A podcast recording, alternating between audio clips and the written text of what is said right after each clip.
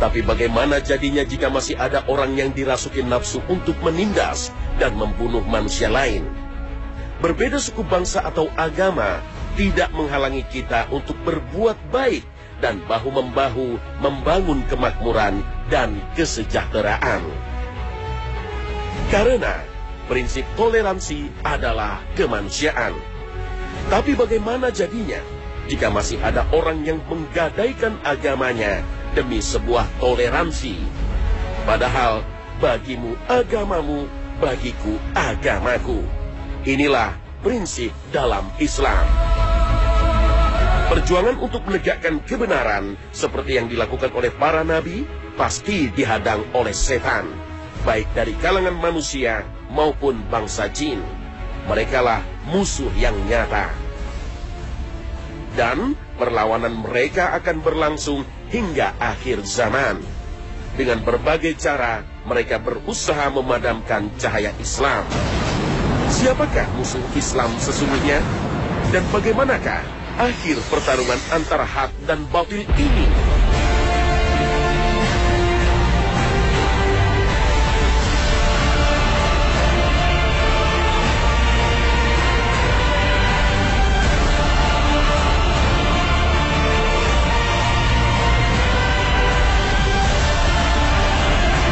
Assalamualaikum warahmatullahi wabarakatuh. Selamat pagi pemirsa Trans 7. Kazana, ensiklopedi Islam dunia, pagi ini kembali hadir ke hadapan Anda untuk berbagi wawasan keislaman. Semoga kita termasuk hamba-hambanya yang bertakwa dan mampu menjalankan syariat Islam secara sempurna. Amin ya Rabbal Alamin. Allah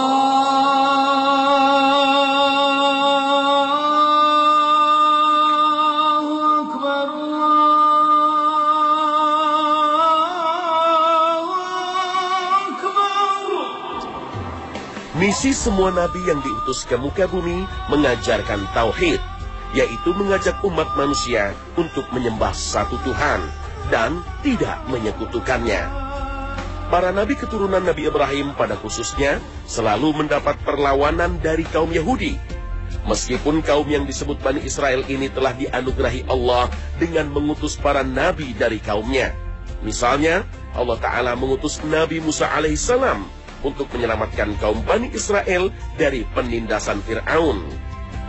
Dengan mukjizat yang diberikan Allah, Nabi Musa membelah lautan dan menyelamatkan kaum Bani Israel menyeberangi Laut Merah. Sedangkan Fir'aun dan pasukannya mati terjebak di lautan. Sebagai contoh bagi kaum yang membangkang terhadap kebesaran Allah. Namun saat kaum Bani Israel ini ditinggalkan oleh Nabi Musa untuk bermunajat, kaum ini kembali melakukan kesyirikan dengan menyembah patung sapi. Melupakan jasa Nabi mereka, Musa alaihissalam yang telah menyelamatkan mereka dari kekejaman Fir'aun. Bukan hanya itu, kaum Bani Israel kembali melakukan pembangkangan terhadap nabinya, yaitu pada masa Nabi Isa alaihissalam. Saat Isa alaihissalam diutus untuk mengajak umatnya kembali bertauhid, menyembah satu Tuhan, mereka kaum Bani Israel kembali membuat makar terhadap Al-Masih. Nabi Isa difitnah ingin merebut kekuasaan Romawi dan berambisi menjadi raja Yahudi hingga pasukan Romawi memburu kemudian menyalibnya. Padahal hanya ajakan tauhid yang diserukan sang nabi, bukan demi kekuasaan dunia seperti yang dituduhkan. Di sini Allah Subhanahu wa taala menyelamatkan sang nabi dari kejaran tentara Romawi dan hasutan kaum Bani Israel.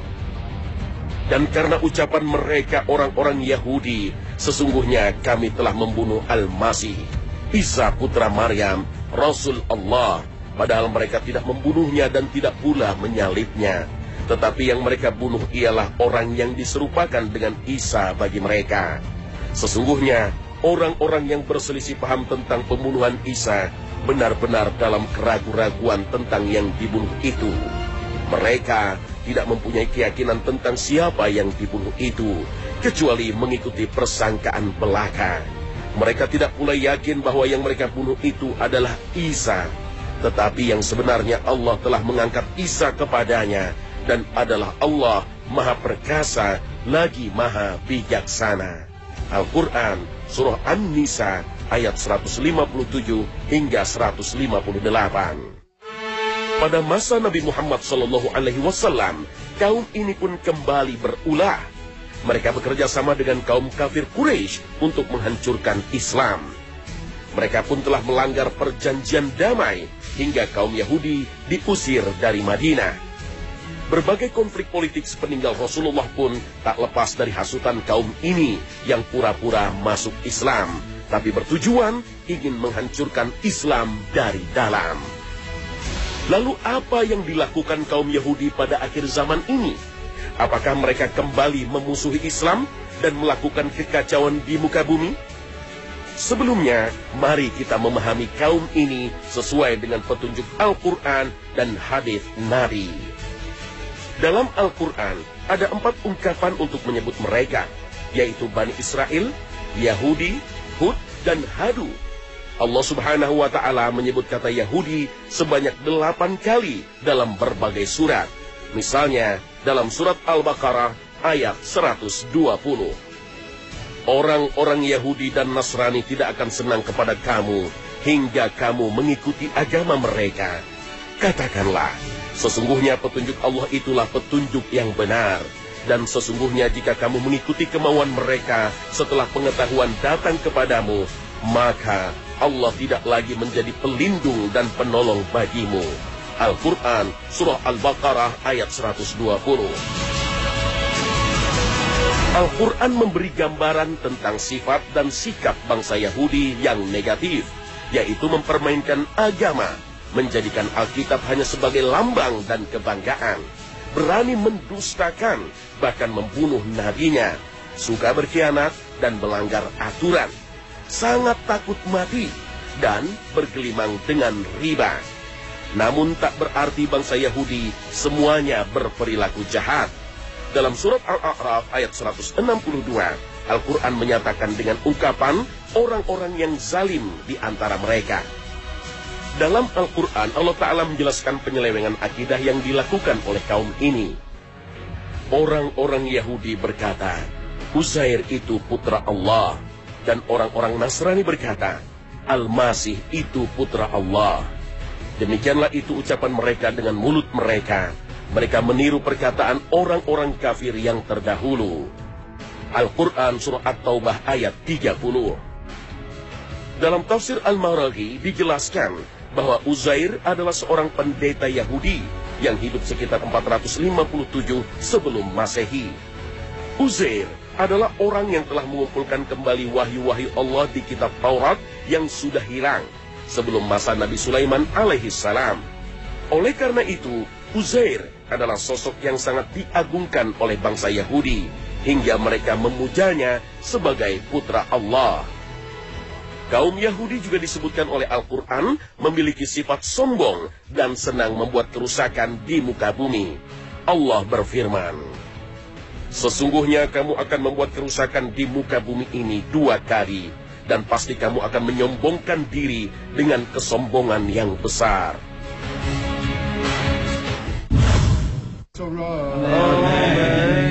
Yahudi tidak sekedar sebuah bangsa, juga sebuah agama. Agama bangsa Yahudi sering dianggap sebagai agama samawi, karena berdasarkan wahyu Allah yaitu kitab suci Taurat yang diturunkan kepada Nabi Musa alaihi salam. Padahal begitu banyak ajaran Nabi Musa yang mereka langgar.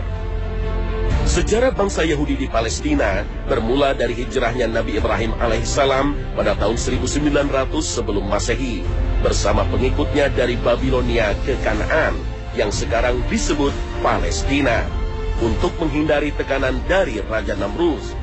Namun Jauh sebelum kedatangan Nabi Ibrahim yang disebut bangsa Ibrani, kawasan ini sudah dihuni oleh bangsa Kanan, Umuria, dan Filistin. Setelah Nabi Ibrahim wafat, kepemimpinan bangsa Ibrani dilanjutkan oleh Nabi Ishak, lalu digantikan oleh putranya Nabi Yakub yang mempunyai gelar kehormatan Israel, yang artinya hamba Allah yang sangat taat. Nabi Yakub memiliki 12 orang putra, yaitu Ruben, Simeon, Lewi, Yehuda, Zebulon, Isakar, dan Gad, Asher, Naftali, Yusuf, dan Benyamin. Dari Lewi lahirlah keturunan yang menjadi nabi, yaitu Nabi Musa, Nabi Harun, Ilyas, dan Ilyasa. Sedangkan dari Yehuda lahirlah Nabi Daud, Nabi Sulaiman, Nabi Zakaria, Nabi Yahya, dan Nabi Isa. Sedangkan dari Benyamin lahir Nabi Yunus alaihissalam. Dari putra-putra Nabi Yakub inilah cikangkan dari Benyamin lahir Nabi Yunus alaihissalam. Dari putra-putra Nabi Yakub inilah cikal bakal lahirnya istilah Bani Israel yang menetap di Palestina. Namun, jauh sebelum kedatangan Nabi Ibrahim, kawasan ini sudah dihuni oleh bangsa Kanan, Umuria, dan Filistin. Setelah Nabi Yusuf alaihissalam menjadi menteri pembendaharaan negara di Mesir, semua anak cucu Nabi Yakub hijrah ke Mesir. Dari seluruh putra Yakub ini, yang paling banyak keturunannya adalah Yahuda. Karena itulah, bangsa ini disebut pula Yahudi. Di Mesir, kaum ini begitu dihormati dan diperlakukan dengan baik oleh Fir'aun, Raja Mesir. Namun berabad-abad kemudian setelah Nabi Yusuf wafat, pada saat kekuasaan Totmosis, kaum Bani Israel ini ditindas dan dijadikan budak, maka Allah mengutus Nabi Musa dan Nabi Harun untuk berdakwah kepada Fir'aun dan menyelamatkan bangsa Israel yang sebagian mereka masih mempertahankan agama Tauhid. Setelah selamat dari kejaran Fir'aun, Nabi Musa mengajak kaumnya menuju tanah suci Yerusalem untuk menaklukkan bangsa Kanan yang saat itu menjadi penyembah berhala. Namun, mereka menolak perintah Nabi Musa disebabkan oleh rasa takut, seperti yang Allah sebutkan dalam Al-Quran. Mereka berkata, Hai Musa, kami sekali-kali tidak akan memasukinya selama-lamanya, selagi mereka ada di dalamnya. Karena itu pergilah kamu bersama Tuhanmu, dan berperanglah kamu berdua. Sesungguhnya kami hanya duduk menanti di sini saja. Al-Quran, Surah Al-Ma'idah, ayat 24. Atas pembangkangan ini, Allah menghukum mereka dengan mengharamkan atas mereka tanah yang dijanjikan dan menjadikan mereka tersesat di gurun Sinai yang gersang selama 40 tahun. Setelah Nabi Musa wafat, kepemimpinan Bani Israel dilanjutkan oleh Elizar, kemudian diganti oleh Yusa. Pada masa Yusa inilah kaum Bani Israel berhasil mengalahkan bangsa Kanan dan Filistin yang menyembah berhala. Raja pertama Bani Israel adalah Tolut, kemudian dilanjutkan oleh Nabi Daud alaihissalam. Setelah wafat kemudian digantikan oleh putranya yaitu Nabi Sulaiman alaihissalam. Pada masa inilah dibangun tempat peribadatan di Baitul Maqdis yang disebut oleh kaum Yahudi dengan Haikal Sulaiman. Sepeninggal Nabi Sulaiman, kerajaan Israel terpecah menjadi kerajaan-kerajaan kecil, di antaranya kerajaan Sumeria dan kerajaan Yahuda. Kerajaan Sumeria hancur setelah diserbu Raja Sargeus dari Yunani. Dan kerajaan Yahuda yang berada di Yerusalem takluk setelah diserang Raja Nebukadnezar dari Babilonia. Dan kuil Sulaiman pun turut dihancurkan. Bangsa Yahudi ditawan dan digiring ke Babilonia. Sebagian yang selamat melarikan diri ke berbagai penjuru dunia. Sejak itulah para rabi Yahudi selalu meyakinkan kaumnya sebagai bangsa pilihan Tuhan. Dan kelak tanah yang dijanjikan Tuhan akan dikembalikan pada mereka. Setelah Islam menguasai Yerusalem pada masa Khalifah Umar bin Khattab, kaum Yahudi kembali mendapat kebebasan untuk beribadah. Mereka hidup berdampingan secara damai dengan kaum Nasrani dan umat Islam. Kebencian kaum Yahudi terhadap Islam karena disulut oleh agenda politik yang dibalut dengan doktrin agama, yaitu Zionisme. Zionisme adalah gerakan politik Yahudi untuk mengajak kaumnya yang berdiaspora di seluruh dunia kembali ke Zion di Yerusalem. Gerakan ini dimotori antara lain oleh Theodor Herzl dengan mengeluarkan doktrin Zionisme pada tahun 1882 dalam sebuah buku Der Judenstaat artinya negara Yahudi. Kongres pertama Zionisme digelar di Persel, Swiss pada tahun 1897. Kongres Zionisme ini begitu bersejarah bagi bangsa Yahudi. Karena 50 tahun kemudian, cita-cita untuk mendirikan negara Israel akhirnya terwujud. Meskipun dengan cara biadab, mengusir dan merampas tanah milik bangsa Palestina. Zionisme lebih banyak digerakkan oleh kaum Yahudi liberal dan sekuler. Tak heran ideologi Zionisme ditentang keras oleh kaum Yahudi ortodoks. Karena mereka meyakini kembalinya bangsa Yahudi ke Yerusalem secara politik dan kekerasan dianggap telah mengingkari hukum Tuhan. Kembalinya bangsa Yahudi ke Yerusalem secara politik dan kekerasan dianggap telah mengingkari hukum Tuhan. Kaum Zionis begitu sadar dengan mendominasi media massa, industri perfilman dan lobby politik, bangsa Palestina dan bangsa Arab dengan mudah berubah citranya menjadi teroris. Lihat saja berbagai film garapan kaum Yahudi yang sering kita tonton. Bangsa Arab yang identik dengan umat Islam sering dicitrakan negatif. Sebaliknya, bangsa Barat adalah pahlawan. Agenda lainnya disebut onan. Dengan alasan kesejahteraan, kelahiran dibatasi dengan berbagai alat kontrasepsi, terutama ditujukan untuk menekan pertumbuhan jumlah umat Islam. Sedangkan kaum Yahudi dianjurkan untuk memiliki banyak anak dan dididik menjadi generasi unggul. Sedangkan program Zionis yang disebut protokol dirancang untuk menguasai ekonomi dunia antara lain dengan mengembangkan ideologi ekonomi kapitalis. Perbankan dunia dikuasai bankir Yahudi, kemudian mengucurkan dana pinjaman sangat besar bagi negara muslim dan negara miskin, dengan bunga yang fluktuatif tentunya. Mata uang dolar Amerika Serikat merupakan salah satu aksi nyata Zionisme. In God we trust. Namun Tuhan yang mana yang dimaksud? Tulisan Wan bermakna Dewa Lucifer yang diwujudkan dengan membangun satu tatanan dunia baru yang sekuler, yaitu dengan menuhankan materi. Presiden Amerika pertama George Washington adalah seorang Zionis sejati. Ada piramid terpotong yang di atasnya ada segitiga bergambar mata satu. Di atasnya bertuliskan Annuit Coeptis, artinya semoga dia senang dengan proyek ini dan di bawahnya ada tulisan Novus Ordo Seclorum, artinya tatanan dunia baru. Sehingga mata uang dolar ini bisa diartikan seluruh dunia diharapkan masuk dalam tatanan dunia baru dan menerima kepemimpinan si mata satu. Apakah yang dimaksud si mata satu itu adalah Dajjal? The all-seeing eyes? Sosok Dajjal selalu diingatkan oleh para nabi.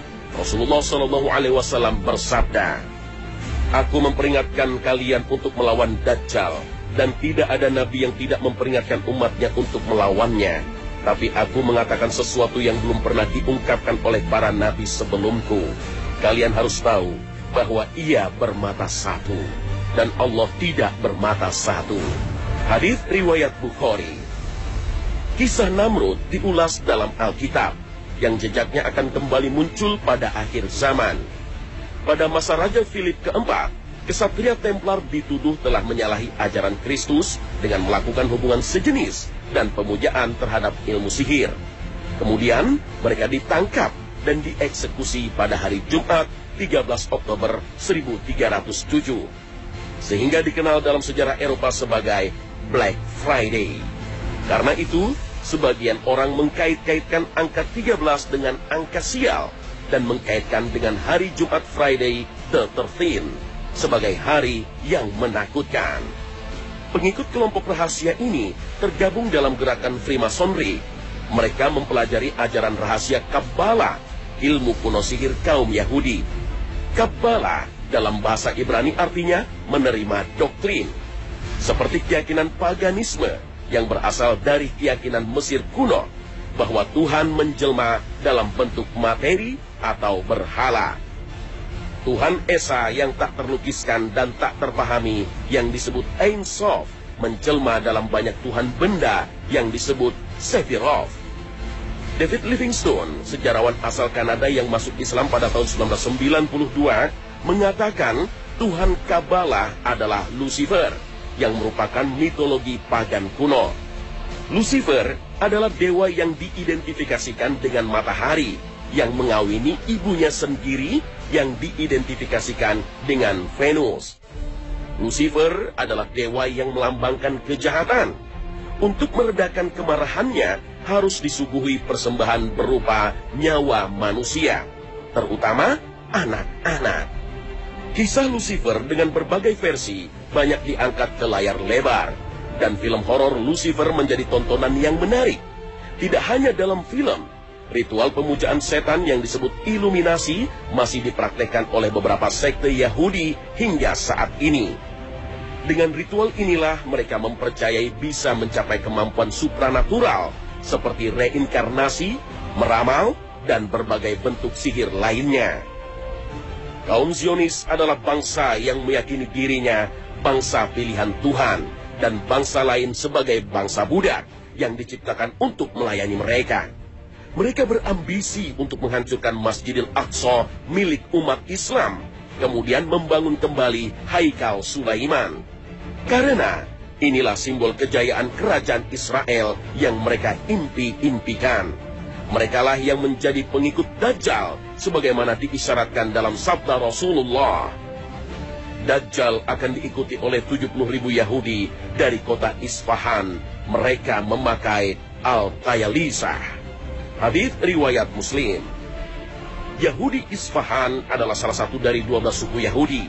Mereka biasa mengenakan Al-Tayalisah, sejenis shawl khas Persia. Dalam bahasa Ibrani, komunitas Yahudi ini disebut Askenaz.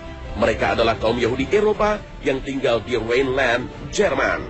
Namun banyak bangsa Askenazi bermigrasi keluar Jerman, terutama ke Amerika Serikat dan Israel.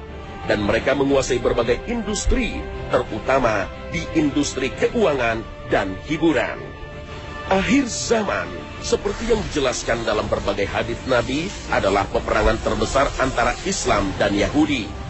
Islam di bawah Panji Al-Mahdi dan Isa Al-Masih akhirnya akan menghancurkan kekuatan bangsa Yahudi yang dipimpin Dajjal. Bagi orang beriman, ini bukan kisah fiktif, karena Rasulullah telah mengabarkan peristiwa yang akan terjadi pada akhir zaman.